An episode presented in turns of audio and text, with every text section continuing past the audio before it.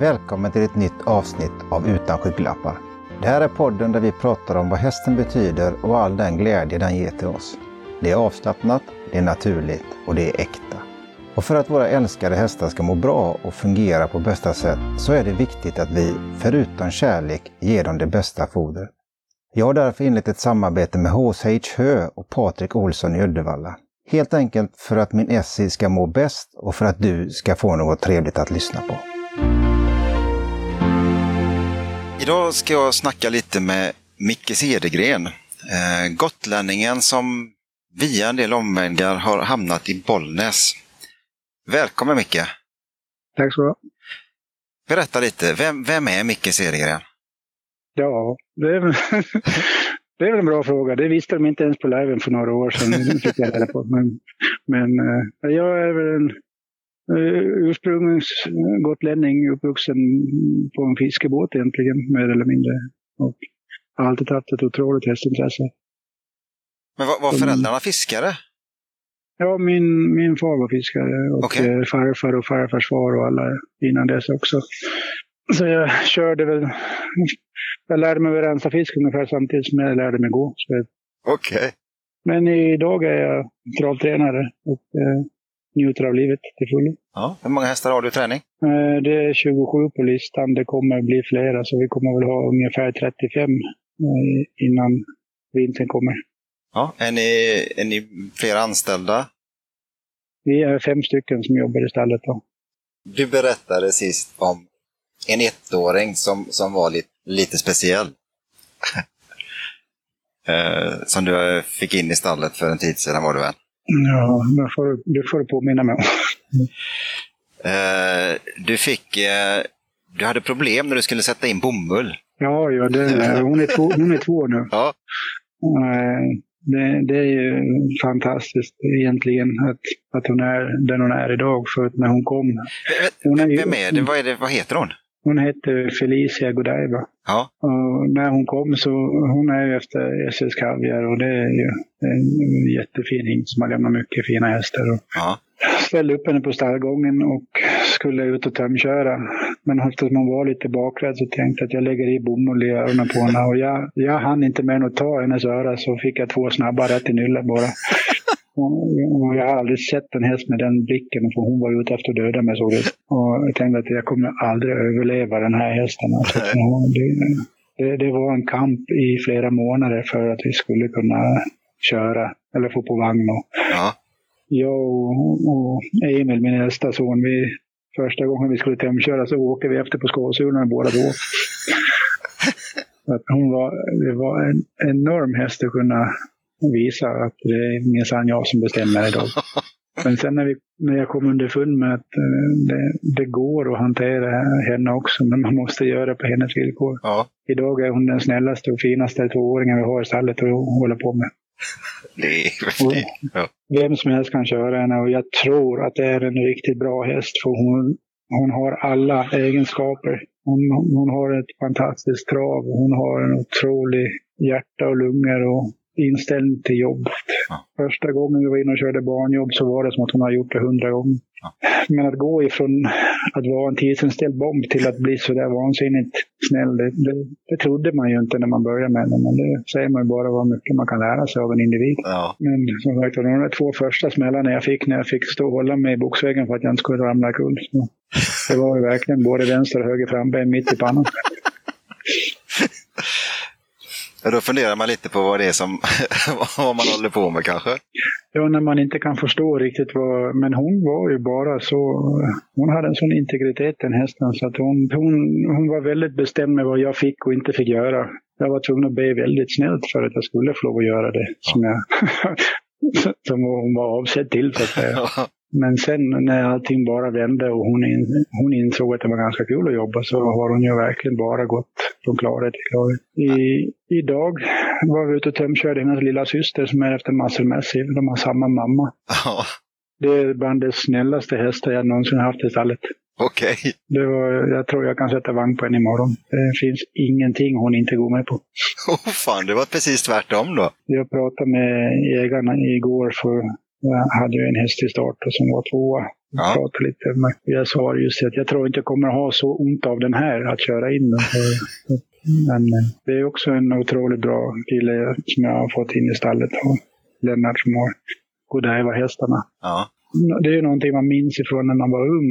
Alla Godiva, Cicero Godiva och allt vad de hette, de här riktigt bra hästarna. Det känns ju jättehäftigt att eh, en sån kille vill satsa lite och sätta häst hos mig. Ja. Det får man ju ta som att man kanske inte är helt fel ute med det man håller på med. Vi kan börja egentligen från början, för du, du är liksom född i en fiskarfamilj, eh, men, men var, när och hur kom, kom hästen in? Ja, hästen har väl funnits där sen jag fick min första ponny när jag var fem år. En eh, liten sköttis. Ja, Och eh, det, jag vet inte, de har alltid fascinerat mig. De har liksom, jag skulle väl kunna skylla på att vi bodde lite avlägset där vi bodde på Gotland. Man är långt till vänner och så vidare. Så det var väl lättare att gå ut och prata med hästarna i stallet. och på den tiden hade man inte mobiler som man har idag heller. Så de, de blev ju ens bästa vänner helt enkelt. Så du, du är uppväxt på en gård? Ja, uppväxt på en, en, ja, vi, vi hade hästar och grisar. Ja. Lite sånt. Lite höns och saker. Var det, vad var det, alltså en ponny, var det red du och sådana grejer i det läget då? Ja, jag var en riktig ridnörd från början. Travet kom ju inte riktigt förrän i gymnasiet egentligen. Okej. Det var då man insåg att det var det man skulle hålla på med först. För att jag, jag fick vara med ut och åka i en rockad första gången, veckan där på skolan och jag tyckte det gick så jävligt fort så jag blev skiträdd. Men eh, sen framför allt för att alla är välkomna inom travet. Det är, eh, det, det är liksom ingen skillnad på folk om man säger så. Och man kan, man kan vara den man är, man kan klä sig som man vill. Och det är liksom ingenting som, om man säger ridning eller dressyr, då ska det vara så förbannat propert hela tiden. Och det är inte riktigt min grej. Så det var väl det som gjorde att man liksom hamnade i travet gång. Man kände sig välkommen direkt när man började. Liksom.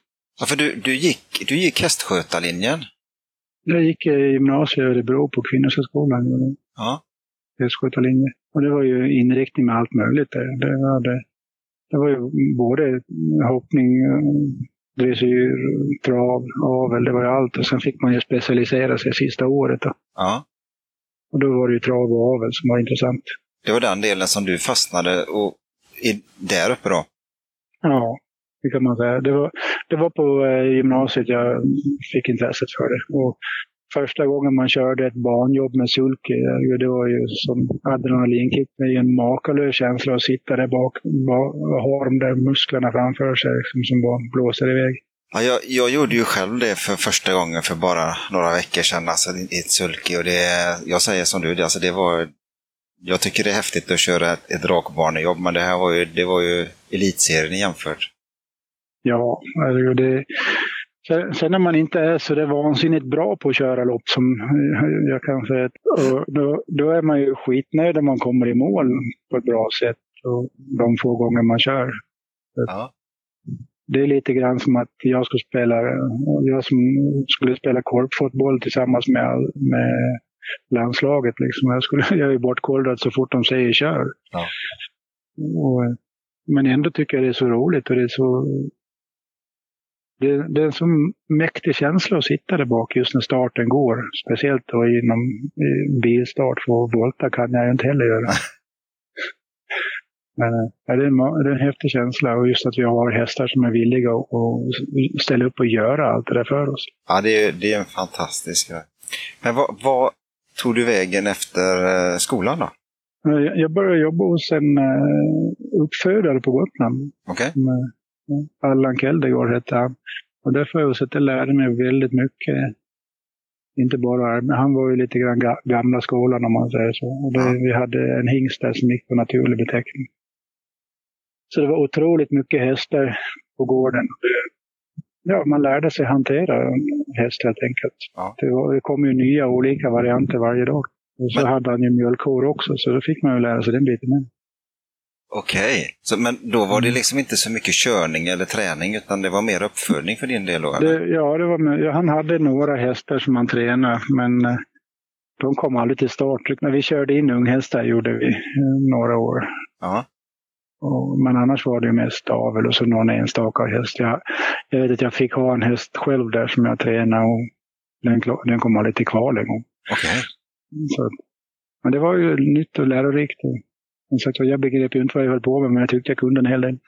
ja, men det, är, det är ju ofta så. Man liksom, ju, ju mer man lär sig, desto mindre vet man. Nej, men det, det, var en väldigt lärorik period i livet. Var det. Och sen därifrån fick jag jobb hos Jim Oskarsson. Okej.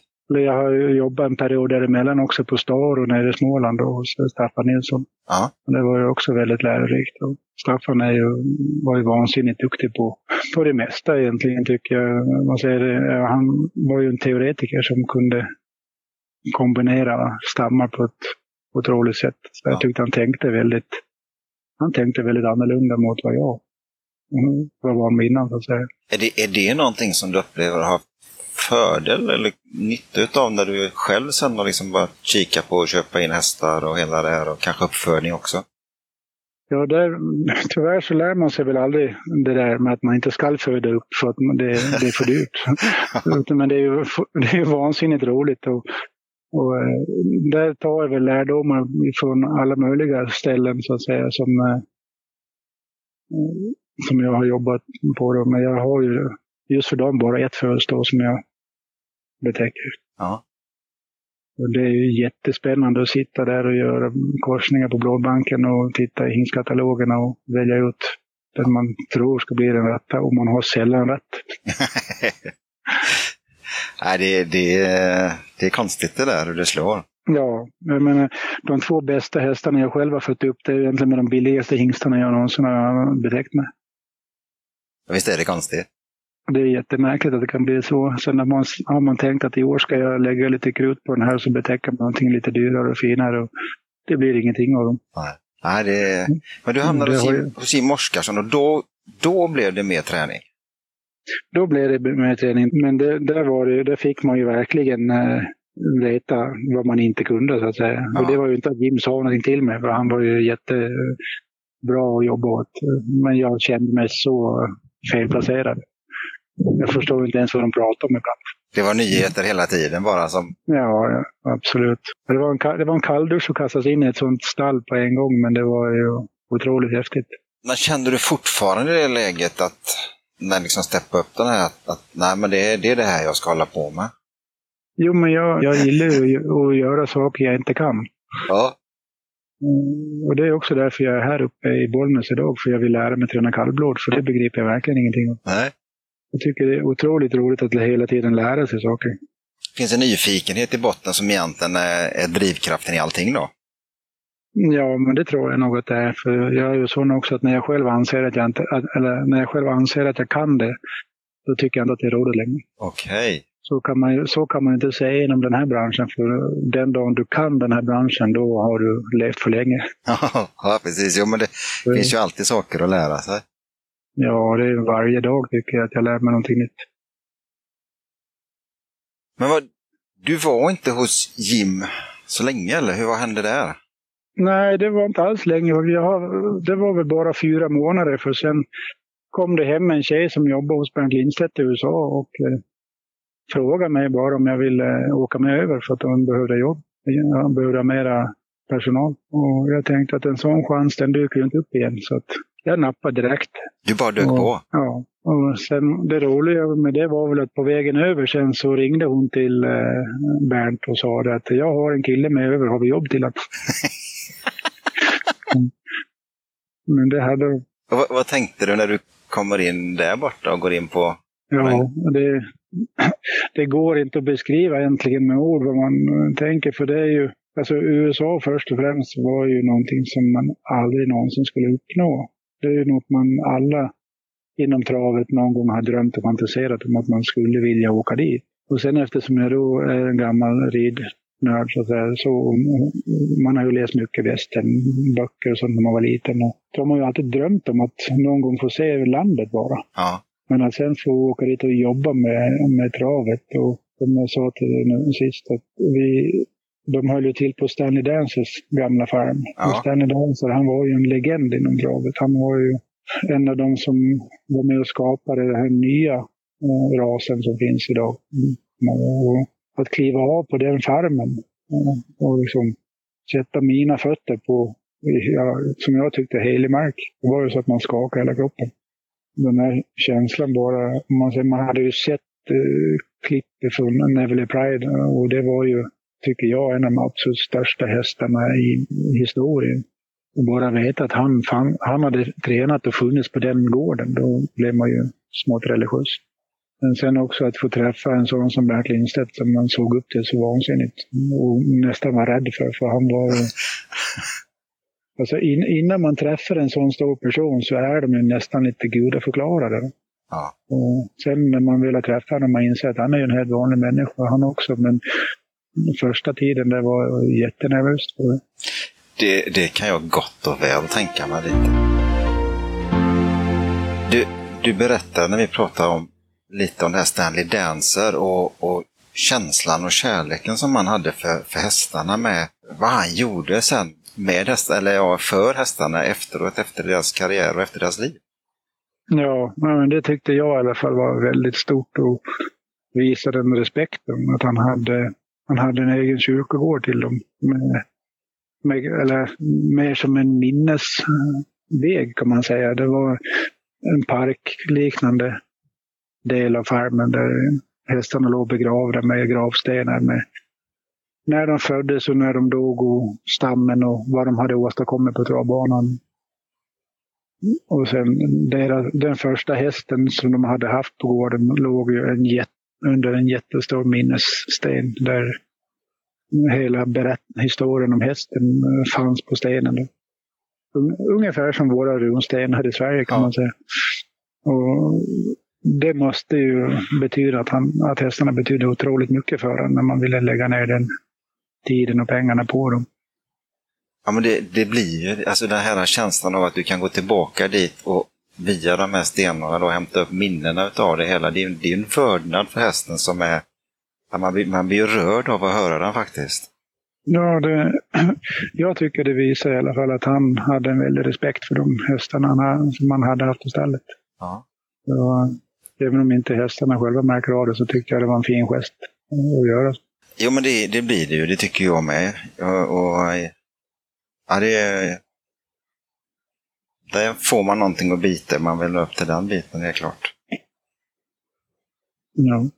Men hur, hur var själva träningen? Hur funkade det där borta? Var det, var det mycket skillnad på hur det skedde var här? Jo, de, de tränar ju helt annorlunda där än vad många gjorde här hemma. Så det var ju inga rakbana jobb eller uh, ut och köra i slingor i skogen. Utan vi hade en 800 meters bana som vi joggade på och så gick de sina hit uh, var tredje dag ungefär. Och då, man hade ju i regel alltid tre passhästar var. Och den dagen man tränade hästen så, säga, så gick han tre, tre hit på 1600 meter med en timmas mellanrum. Okej. Okay. Hela det träningspasset på den hästen kunde ta upp till fem timmar innan man hade gjort klart den och ställt in han i boxen igen.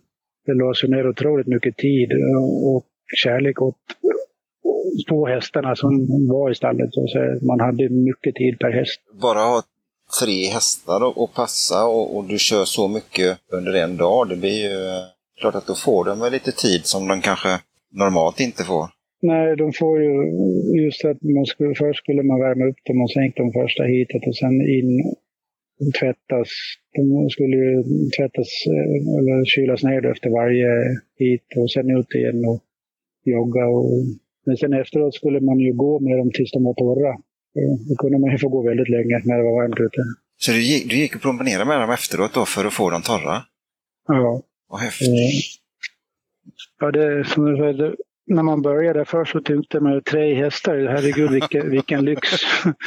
Men vi la ju ner nästan mer tid på de tre hästarna än vad man gjorde på ett fullt stall hemma. Liksom. Ja. Skulle vi ha det upplägget här då skulle ju travet inte ha råd att fortsätta.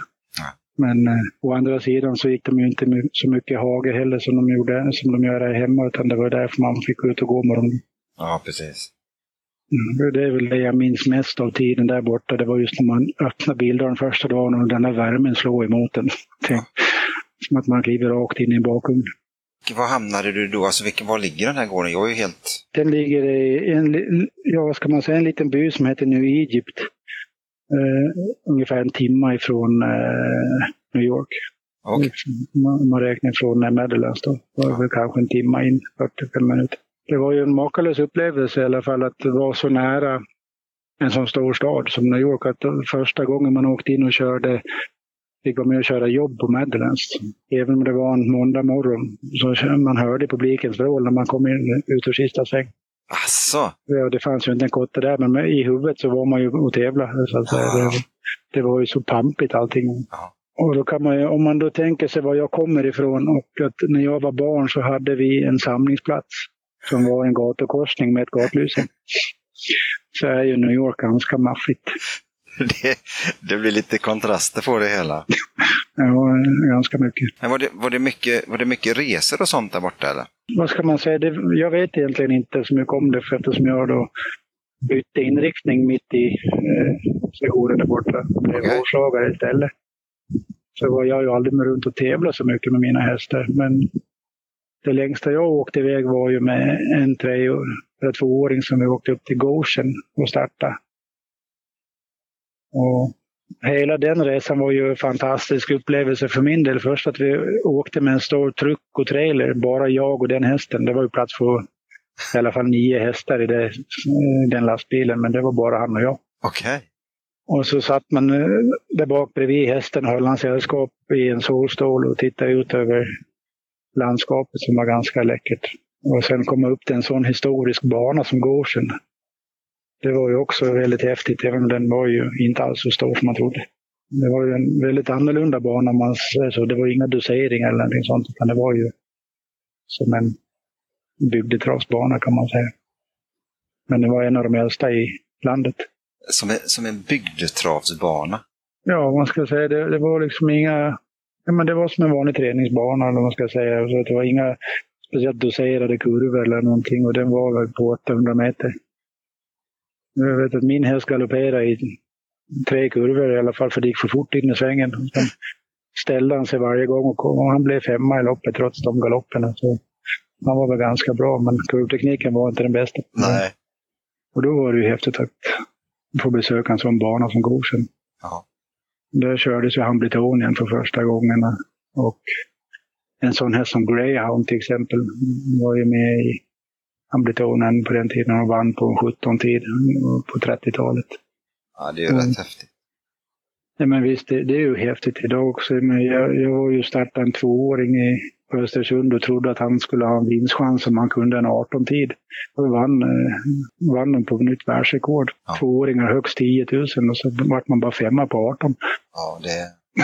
Så visst, att, visst är det häftigt i sporten idag också, men tänk att på 30-talet fanns det en grå häst som sprang 1,11 och 8 eller vad han gjorde. Ja, det är sanslöst. Det är helt sjukt. Ja, det, jag tycker det är fascinerande med det där och sen se vart utvecklingen har tagit oss. Det är klart, det, det man ser är ju bredden på det hela, att det är så många som springer de tiderna och därunder nu för tiden. Ja, idag är det väl inget märkvärdigt man har en häst som springer en 11-tid. Men tänk att ha det på 30-talet. Ja, jo men alltså det är ju, det är ju nästan det är 90 år sedan. Ja. Men du, du sa du bytte inriktning där borta? Ja, det blev ju så eftersom eh, hovslagaren som de hade hos Bernt Lindstedt, han var så vansinnigt duktig så jag kunde inte låta bli att sitta där och prata med honom och titta på hur han skodde. Och till slut så tröttnade han väl på att ha mig hängande där så då frågade han bara om jag skulle vara intresserad av att bli lärling hos honom. Okej. Okay. Och det kunde man inte tacka nej till. Nej. Jag menar, jag trodde ju att jag kunde sko innan, men det fick jag ju verkligen reda på då att det kunde jag inte. Så jag började ju jobba hos han eh, på vintern i, när vi var i Florida. Då. Det var otroligt häftigt. Först att få ens vara ansvarig på fötterna för så fina hästar som vi hade. Ja. Och allting han lärde mig under den vintern. Så jag blev, jag blev hovslagare där istället för hästskötare då, och startade egen firma. Okej, men jobb, jobbade du fortfarande kvar för Bernt? Eh, både och emellanåt kan man säga. Jag skodde ju deras hästar tillsammans med den här killen Leo på vintern. Och sen på sommaren så, min första kund var ju Pelle Eriksson. Okej. Okay. Och så hoppas jag att det inte var därför han gav upp och flyttade hem. men, jag fick ju sko hans hästar. Han hade en häst som hette Kobol som jag skodde där. Då. Jag minns fortfarande hur nervös jag var när jag skulle sätta på skorna till han blev tog försöket. Ja. Men sen åkte jag med han till eh, Lexington i Kentucky och skodde under hela hans, både på våren och hösten så skodde jag hans hästar där och sen hela sommaren i New Jersey. Och det är ju samma sak där. Pelle var ju en otroligt duktig tränare som hade haft otroliga framgångar så det var ju jättestort för en sån som mig att få jobba med hans hästar så att säga, och få lära mig hur han tänkte i, med, i vissa sammanhang. Ja. Men att de hade det tålamodet med en nybörjaryngling som mig, det tyckte jag var fantastiskt. De, de gav mig verkligen chansen att utvecklas. Ja, men sam samtidigt, alltså, jag kan tänka mig, utan att med just den där nyfikenheten som jag läser igenom allting du har gjort här, är ju en enorm drivkraft att ha. Och den lyser ju oftast men... igenom när man träffar folk och det är klart, den, det, det, det gör ju också att man är förmodligen mer benägen att släppa fram en sån person som vill, som vågar och som tar för sig. De, de märker att, att du är lyhörd och lyssnar. Det, det låter så på dig när du berättar. Ja, men det, det, måste man ju vara i livet, annars så märker man ju inte vad som... Saker och ting kan ju gå en förbi om man inte är vaken. Så är det. Och det är väl ganska... Det är väl min största styrka och svaghet, är att jag alltid vill prova någonting nytt. Och alltid tänker att vad är det värsta som kan hända? Och därför har man ju tillbringat några dagar på sjukhus också, för att ja, ibland är det det värsta som kan hända ganska mycket. Ja, det är ju det. Det, det blir vi ju varse om, för du lämnade USA. När, när var detta? Uh, min äldsta grabb föddes ju där borta 2003, sen var, eller 2002, men alltså han var åtta månader ungefär när vi flyttade hem till Sverige igen och det har jag för mig var i januari, februari 2003 någonstans där. Ja. Och var, var landade du än då? Då hamnade vi i Karlstad. Hyrde in oss på en gård ute på en ö faktiskt som heter Jäverön, en bit utanför Karlstad, där man fick åka linfärja för att komma till fastlandet så att säga. Okej. Okay. eftersom man är gammal öbo så var, var det väl ett bra sätt att känna sig hemma på. Precis. Ja, det var ju otroligt paradis där ute. Det var ju, jag vet inte ens om de hade jakt där överhuvudtaget. För det var ju älgar och rådjur och grävlingar och allt möjligt precis runt husknuten hela tiden. Ja. Men hade du möjlighet var... att köra där ute då? Jo, vi hade jättefina vägar att köra på. De hade också gjort en ja, liten provisorisk träningsbana med rakbana nere på en åker. Så att ja. det, det dög bra till mig i alla fall.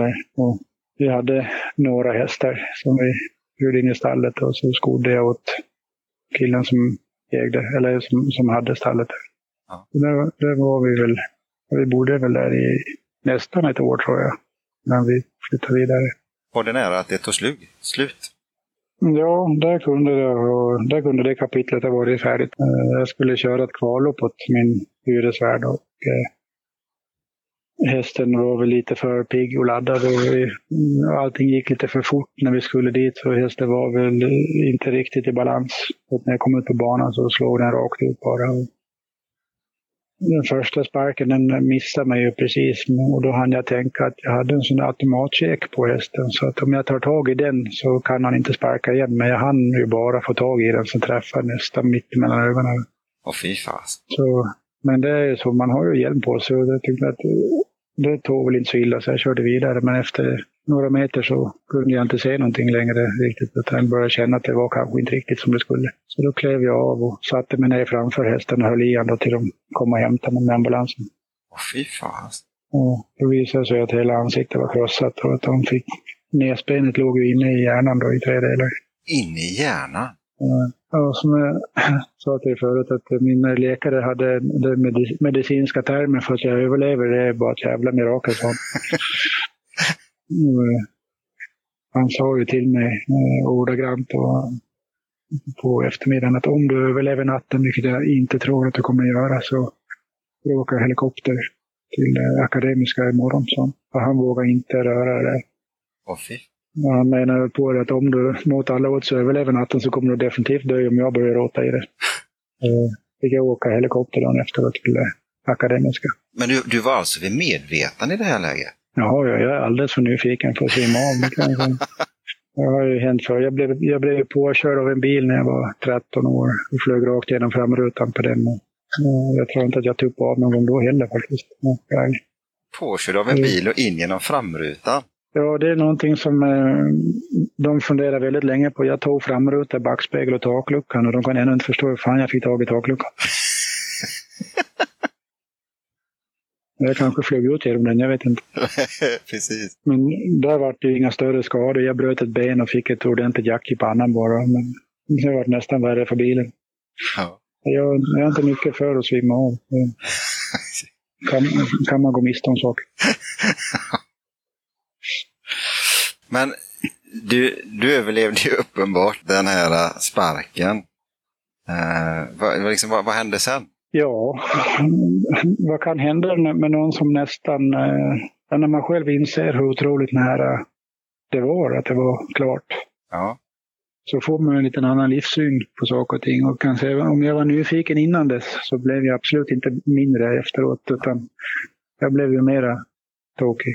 Och tog ju alla chanser jag kunde till att leva livet fullt ut. Så att, eh, vi flyttade ju från den gården upp till ett eget ställe då, som vi hyrde uppe i Munkfors. Långt uppe i skogarna i Värmland. Ja. Och där trivdes ju jag fantastiskt bra, men frun trivdes väl inte så jättebra. För det fanns ju ingen där, det fanns inget jobb, det fanns ja. egentligen ingenting mer än en mack och en ICA-affär. Och då ringde min kompis eh, Conny Svensson, då, Jimmy Takters hovslagare, ringde ju och sa att eh, Jim Frick kommer söka ny hovslagare för hans hovslagare tänker flytta över till USA igen. Så då ringde jag till Jim och frågade om det fanns jobb. Det gjorde det. Vi åkte ner och hälsade på och två veckor senare så var vi på plats. Och sen jobbade jag hos Jim som hovslagare i tre år ungefär tror jag. Det är ju samma sak där. Han var ju en otroligt godhjärtad och stor man, om man säger så. Även om han var ganska kort i växten så var det ju en, en man som man, eh, och tränare som man har sett upp till och som man egentligen, jag tror aldrig jag träffade honom innan jag kom dit, men man hade ju en sån respekt för honom. Han hade ju en stämma som hördes över hela stallbacken på Solvalla. Ja. Men han hade ju ett sånt otroligt stort hjärta. För när jag började jobba hos honom där så var min syn efter olyckan kanske inte den bästa. Okej. Okay. Jag ska inte säga någonting om det, men jag tror inte att mitt jobb var det bästa heller eftersom jag såg dåligt. Men han gav mig verkligen chansen. Sen var han ju rak och ärlig och sa till mig när det inte blev bra. Men eh, jag tror väldigt få hade gett mig den chansen som han hade gjort. Och han, han var ju väldigt, väldigt mån om att alla skulle få göra det de själva ville. Så han, han var ju alltid den som pushade andra människor för att utvecklas. Han satte sig själv och sin egen rörelse i andra hand och alla andra människor före tyckte jag. Jag upplevde han som i alla fall. Så där var jag i tre år och det lärde mig vansinnigt mycket också. Han sa en gång till mig att en häst ska ha bra mat och bra träning. Funkar inte då, då ska du inte ha den hästen. Det tycker jag var en bra filosofi i alla fall. Ja, det är ju grundförutsättningarna. Mm. Ja. Nej, men det var, det var nog egentligen den mest lärorika perioden i mitt liv att vara hos han. Inte bara inom hästbranschen, utan just att han var den person han var så tyckte jag i alla fall att det var jag vet inte vad man ska säga, men man fick en annan insyn på hur man ska ta livet. Ja. Och just det att eh, han var ju den som pushade oss. Då vi började ju längta tillbaka till Gotland av någon konstig anledning. Och då var ju han en av de som pushade till att flytta tillbaka. Okay. Han, han brydde sig inte om att han kanske skulle stå utan hovslagare, utan då, det, det, var ju bara att om jag, det, det här du vill, då är det det här du ska göra. Det är inget snack om det. Och så var han ju mot alla människor. Han såg till människans bästa. Ja, men han, han hade bara ett väldigt stort hjärta. Och sen hade han ju ett vansinnigt kunnande. Man, man kände ju en stolthet att man fick jobba i det stallet. Det gjorde man. Ja, ni landade ner på Gotland? Ja, vi flyttade tillbaka till Gotland 2006. Fram ett år. I, i december, november, december någonstans där. Ja. Och då hade vi fått eh, tillökning igen då för Olivia, vår eh, dottern där, mellanbarnet, hon föddes i Uppsala ja. medan vi jobbade hos henne. Så köpte vi ett renoveringshus på Gotland som jag började renovera i stort sett på en gång när vi var där. Och så hade vi lite, lite hästar och lite sånt. Och sen veckopendlade jag till fastlandet och skodde. Så du åkte över till fastlandet och, och jobbade där som hovslagare? Ja, det, jag hade ju kvar de flesta av mina kunder. Jag skodde ju även åt Jim också, unghästarna han hade på Solvalla en period tills han hade fått någon annan att ta över det. Okej. Okay.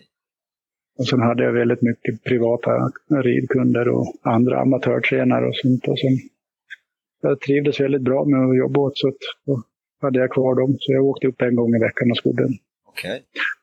Men sen tröttnade jag på det där en period och jag började jobba som busschaufför. Det var också ganska roligt. Du gick, du gick från hovslagare till, till busschaufför? Ja, jag tänkte man måste prova någonting annat ibland också. Jag körde för Swebus, eh, hette det på den tiden, på ja. Gotland. Och det var jätteroligt också. Jag hade, man fick en, en annan perspektiv på vad arbete innebär. För där satt man ju mest bara still och blev tjockare och tjockare för varje dag. Men eh, det var roligt, man träffade mycket människor och kollegorna var ju jätteroliga. Ja. Det var en, var en rolig tid. Men, men saknaden blev ju lite, alltså det, det var ju ändå inte det man ville hålla på med i livet. Så det blev saknaden till hästen blev för stor. Den blev det? Det fick man ju hoppa på igen. Men, men anledningen till att ni flyttade till Bollnäs, den var lite speciell, eller hur var det med den? Ja, det är tillfälligheter som gör det mesta i livet egentligen. Och just det här var, jag hade ju hyrt ett stall eh, inne i Visby som jag senare köpte. Och eh, hade flyttat in alla hästar dit. Sen en dag när jag är i stallet så ringer grannen till mig och frågar bara om, om det är någon hemma i huset för att det står en bil kvar ute på gården. Och så, nej, barnen är i skolan och jag tror att frun är på jobbet. Så, ja, vi får vara bra så för ditt hus brinner upp just nu. Bara sådär? Mm. Ja, de, de misstänkte att det var några ledningar nere i källaren som hade... Vi hade ju inte riktigt bytt alla gamla ledningar i huset. Men det var det de trodde var orsaken. Okay. Men annars var ju huset så gott som nybyggt när det hände. Och, eh, sen tog det tid. Jag ville bygga upp huset själv igen och det tog en väldigt lång tid att få bygglovet klart och byggstartsbesked och det var väldigt mycket pappersjobb som skulle göras. Så mitt i det där så träffade jag Robert Skoglund på Gotland som då bodde här. Han sa att han skulle flytta ja. Eh, tillbaka upp till Sundsvall. Och så tipsade mig om att ringa till ägaren här och fråga om jag kunde få hyra. Så jag ringde till honom samma dag och så bokade vi en tid när vi skulle åka upp och titta på det. Grabben gick ju på gången så jag tänkte att det passar väl bra. Jag kan få komma lite närmare ifall de ställer till med något. ja, precis. Vi åkte upp och tittade på det och det var enhälligt. När vi åkte härifrån så frågade jag om det var någon som hade några invändningar emot att vi flyttade. Det var det Så efter den, det var väl i augusti 2018. Då började vi planera flytten. Då. Sen flyttade vi upp hit första november samma år. Ångrar du dig flytt? Inte en sekund av livet. Så det är, förutom mina barn så är det här det bästa jag gjort. Så det kommer fyra på listan i alla fall. Okay. jag trivs så fantastiskt bra här uppe. kollegorna här uppe är ju jättebra. De, det är roliga, trevliga människor här uppe. De påminner lite grann om gotlänningar förutom dialekterna. För ja. Deras gotländska är mycket sämre än min. så att ibland har man svårt att förstå, men det blir ju, man lär sig ju med tiden. Man är här i första tiden så förstår jag nästan ingen människa när de pratar. De förstår nog inte mig heller. Nej. Sen blev man väl lite mer försvenskad med tiden. Så. Men eh, nej, jag, jag, jag längtar inte tillbaka till Gotland överhuvudtaget och jag längtar ingen annanstans heller utan det känns som att jag har kommit hem. Ja. Och jag var ju här uppe samma år i januari, har jag för mig att det var januari eller februari och startade på V75. Och jag har ju aldrig sett så mycket snö i hela mitt liv, förutom på tv. Och då ringer jag hem till frun och så packa väskan, vi ska flytta till Bollnäs. Och det var ju fantastiskt. Alltså, snö är det härligaste som finns. Det, det lyfter en som... Alltså, att vakna en vintermorgon när det är 15 minusgrader och det är flera meter snö utanför, det får en ju bara må så bra i själen. ja, det skulle vi kunna diskutera lite kanske, men... Ja, men det... Inga mygg, inga flugor, ingenting. Och man slipper vara så jävla varm. Värme är det värsta jag vet. Ja. Nej, så det, jag är verkligen där jag ska vara. Vad häftigt! Ja, det, en av mina hästägare sa att det tar 50 år att lära sig leva, sen är det bara att njuta av livet. så jag har fem år kvar att lära mig på. Men det känns som att jag i alla fall är på god väg. Ja, det är, det är så Mm. häftigt. Jag har eh, några kallblod i stallet och det är en av de brinnande, alltså största anledningen till varför jag ville prova att gå uppe var att jag ville kunna lära mig att träna kallblod. Ja. Och ska jag lära mig det fullt ut så får jag nog bo här i 40 år till i alla fall. Det är väldigt komplexa djur. ja, det är det va? Ja, de, är, de som håller på säger att det är som att träna ett varmblod, jag tycker inte jag kan hålla med. För jag har försökt att träna som ett varmblod. Då kommer de ju knappt till start. Men jag har fått lärt en väldigt, väldigt viktig detalj jag har fått lärt mig här uppe som jag inte har tänkt så mycket på förut. Det är att man behöver inte köra så fort för att hästarna ska kunna springa fort i loppen. Utan det gäller att de bygger muskler, de ska må bra, de ska, Ja. de ska ha ro i sinnet de också. De är ju flyktdjur av naturen så farten finns i dem. Men man ska kunna pl- plocka fram den vid rätt tillfälle Och det har varit en lärorik resa för mig hela vägen fram till hit. Och jag tror inte att jag är klar än. Nej, men det, det får vi väl absolut inte hoppas. Det, väl, det måste väl finnas en del kvar. För hur, hur ser det ut? Alltså hur, hur ser det ut i stallet idag? Vad har du för tankar med de hästar du har i stallet? Och finns det några som du anser är lite speciella? Och jag, jag tycker jag har 27 väldigt speciella individer.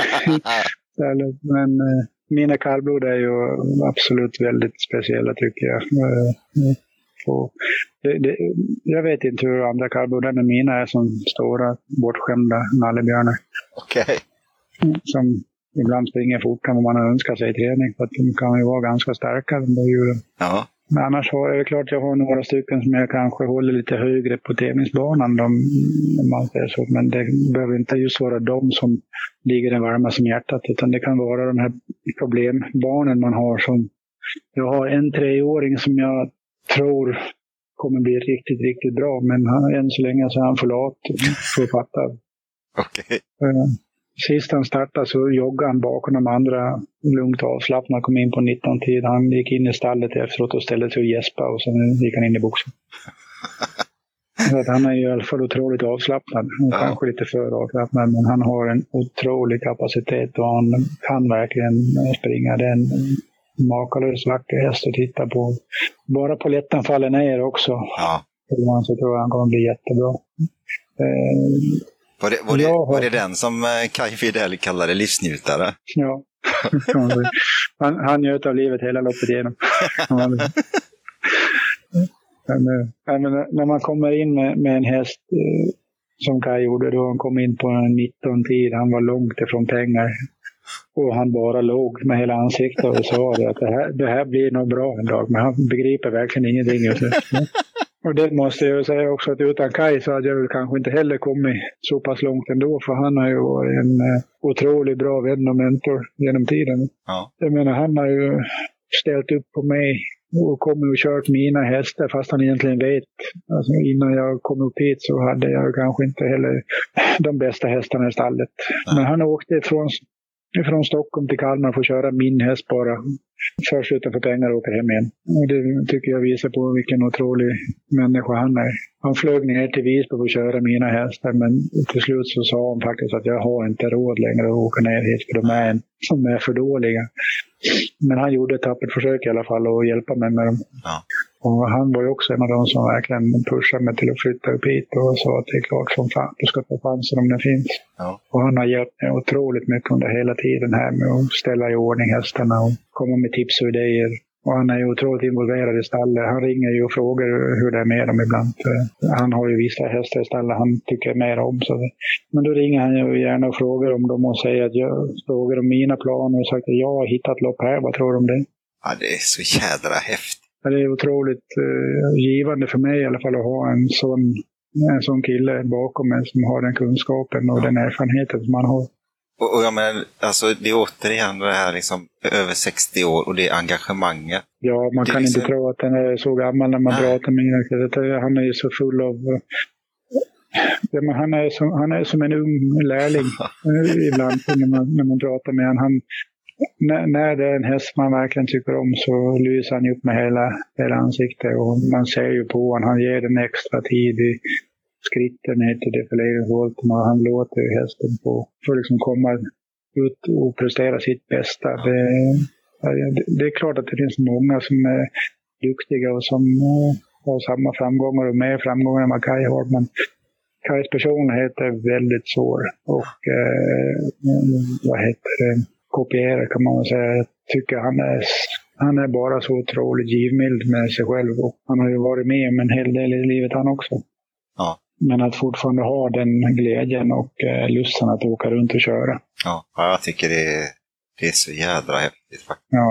Att höra, alltså, ja, det, jag, jag, jag, blir, jag blir glad när jag hör sådana här grejer, för det, det är skit. Ja, men så just det, jag som då inte begriper så jävla mycket om det här med balansering och, och klart att jag lär mig också med tiden. Men om jag har en yngre kille som kör åt mig och jag frågar vad, vad tycker du jag ska ändra på? Så han har ju inte den kunskapen och erfarenheten som Kaj har. Nej. Men där har jag ju också hittat en annan kusk, Niklas Hammarström, som är jätteduktig. Och han har ju framtiden för sig. Han jobbar ju som första man hos Svante Båtman. Ja, Det är samma typ av människa också. Han, han är lugn och stabil. Får hästarna att slappna av när de är på banan. Och han körde en häst åt mig igår som kan vara väldigt speciell och lite, lite väl ivrig. ja. Men eh, det var ju som en gammal vallack när klev av banan. De var de gjorda för varandra. ja fy fan, det är lika häftigt det. Ja, ja, men det är otroligt viktigt när man är så pass dålig på att köra lopp som jag är. Så att jag har killar som jag litar på och som jag vet att de gör de följer min plan även om den kan vara precis åt helvete ibland. Ja. Liksom de, och tycker de att jag gör fel så säger de det. Att kanske ska prova att göra så här istället. Och sen har vi ju en, en tjej som vi, anlitar i Monteo och ibland Ja, nu körde hon för första gången körde hon loppet med lördag, så då vann man ju. Ja, ja, det är Angelica Klockare. Hon är också någon som är, vad ska man kalla för underdog eller vad man ska kalla det för. För hon, eh, hon jobbar ju extra hårt det här bara som en pa- passion och en hobby. Ja. Men är jätteduktig och har en otro, tycker jag en otrolig känsla för det hon gör. Så jag har bra folk runt omkring mig och det är ju det viktigaste när man håller på. Ja, men det, det är ju en otroligt viktig pusselbit att man har ett bra team eh, Ja. med allting. Och jag skulle Mm, precis säga innan du berättade just det här med Angelica Klockare, att det finns ju, alltså det finns ju många tjejer som kommer nu inom, inom körningen också som har enormt fina körhänder och framför allt en förmåga att få hästen att må bra. ja, Eh, Precis, Ja, som, är- Kaj- precis som Kaj och Niklas får det här läget. Det, det, är liksom, det är en fröjd att se. Ja. ja men Kai han är ju jättebra på en del av mina hästar som kanske är lite småtröga. De kan han ju lyckas Ja. få liksom, att prestera. Och Niklas han är jättebra på de hästar som kanske vill prestera lite för mycket. Och han, han kan ju få dem att varva ner. Och, Ja, liksom, jag har två kuskar med ett otroligt kunnande och eh, sättet jag kan varva de två på gör ju att mina hästar kan prestera. Jag kan få ut det mesta av dem. Att, eh, men sen just det med tjejer, att de kör lopp. Jag har alltid tyckt att tjejer har ju alla. De har ju hästsport, ridsporten, de har dressyren, de har ju alla hästsporter. kan vi inte ha travet i fred. Men så ser man de här tjejerna som kommer när de är så duktiga. Så men jag, jag, jag har ju alltid tyckt att jag som stor och tjock och klumpig, jag har ju aldrig kunnat hävda mig inom ridningen. Så starka hästar kan inte hoppa. Ska de kunna bära med, då kan de inte hoppa över hindren samtidigt. nej, nej, precis. Och då har man ju känt sig lite grann att nu har jag hittat en grej som jag kan ha och då kan väl tjejerna hålla på med sin ridning. Men eh, jag säger, man får ju, sånt får man äta upp till slut. Så det finns otroligt många yngre tjejer nu som håller på som är jätteduktiga. Ja, Och just att de vågar ta för sig. De, de vågar liksom gå ut och ta sin plats. Det är ju en tuff, alltså travet är en tuff bransch. ja, Även om vi är jättebra vänner, de, de flesta av oss runt omkring travbanan, de där fyra minuterna vi är på travbanan, då är vi jävla inga vänner. Vi, alla kör ju på sin bästa position, men sen efteråt så kan vi skoja och prata och vara glada igen. ja. Och ge tips och ge råd. Ja. Det är det jag tycker är så jädra häftigt. Över egentligen spelar ingen roll. Det, Jag, kom, jag kommer faktiskt ihåg en sekvens med Jim Frick körde ett lopp och jag hade en kompis som körde i samma lopp. Och Jim skriker till honom, kör nu, du, nu vinner du mitt, mitt under loppet så gav Jim körorder åt honom så att om du gör det här nu så vinner du. Och det gjorde han. Det, Det är ju väldigt... eh, Jag tror inte att man gör så riktigt inom friidrotten till exempel. Att man ger varandra tips och råd under tiden man springer. Så det, det, är en väldigt... eh, Det är en vänskaplig och gemytlig bransch fast Ja. den är tuff. Ja. Och jag har svårt att tro att det inte finns någon inom den här branschen som inte trivs. Då, är- då är det ju bara att, att skifta. Men eh, jag tycker att travet är ett fantastiskt sätt att... Det, är som en, det låter nästan hemskt att säga att man är som en stor familj, men de flesta känner ju varandra. Och ja. just att man kan ställa sig på stallbacken och prata med stort vem som helst. Ja, men det, det, det du sa, liksom att, att folk som inte trivs, alltså oavsett, det, det finns ju alla möjligheter att trivas för den person som kommer in i det här. Ja, Att det, det är längs den här nyfikenhetens resa, Micke, så är det någonting som har fastnat. ja Ja, det, jag kommer kanske ihåg mer än vad jag tror. precis. Ja. Det, har- det har varit en fantastisk stund att sitta och prata med dig här, Micke. Eh, vilket liv, vilka upplevelser du har haft eh, hittills. Eh, och som sagt, jag tackar så jättemycket och önskar dig all lycka till. Ja, tack så Vi får, man får kanske göra en serie av det här så jag får berätta resten också. Det var ju väldigt, väldigt kortfattat. Ja, jo, men det får vi göra. Du vi får tack för att du ringde. Vi tackar dig för att du har lyssnat på Utan skygglappar. Det här avsnittet presenterades av H.C. Hö och Patrik Olsson i Uddevalla. Vi hoppas självklart att du gillar det du har hört och att du följer oss i din spelare samt delar det vidare till dina vänner. Tack så mycket!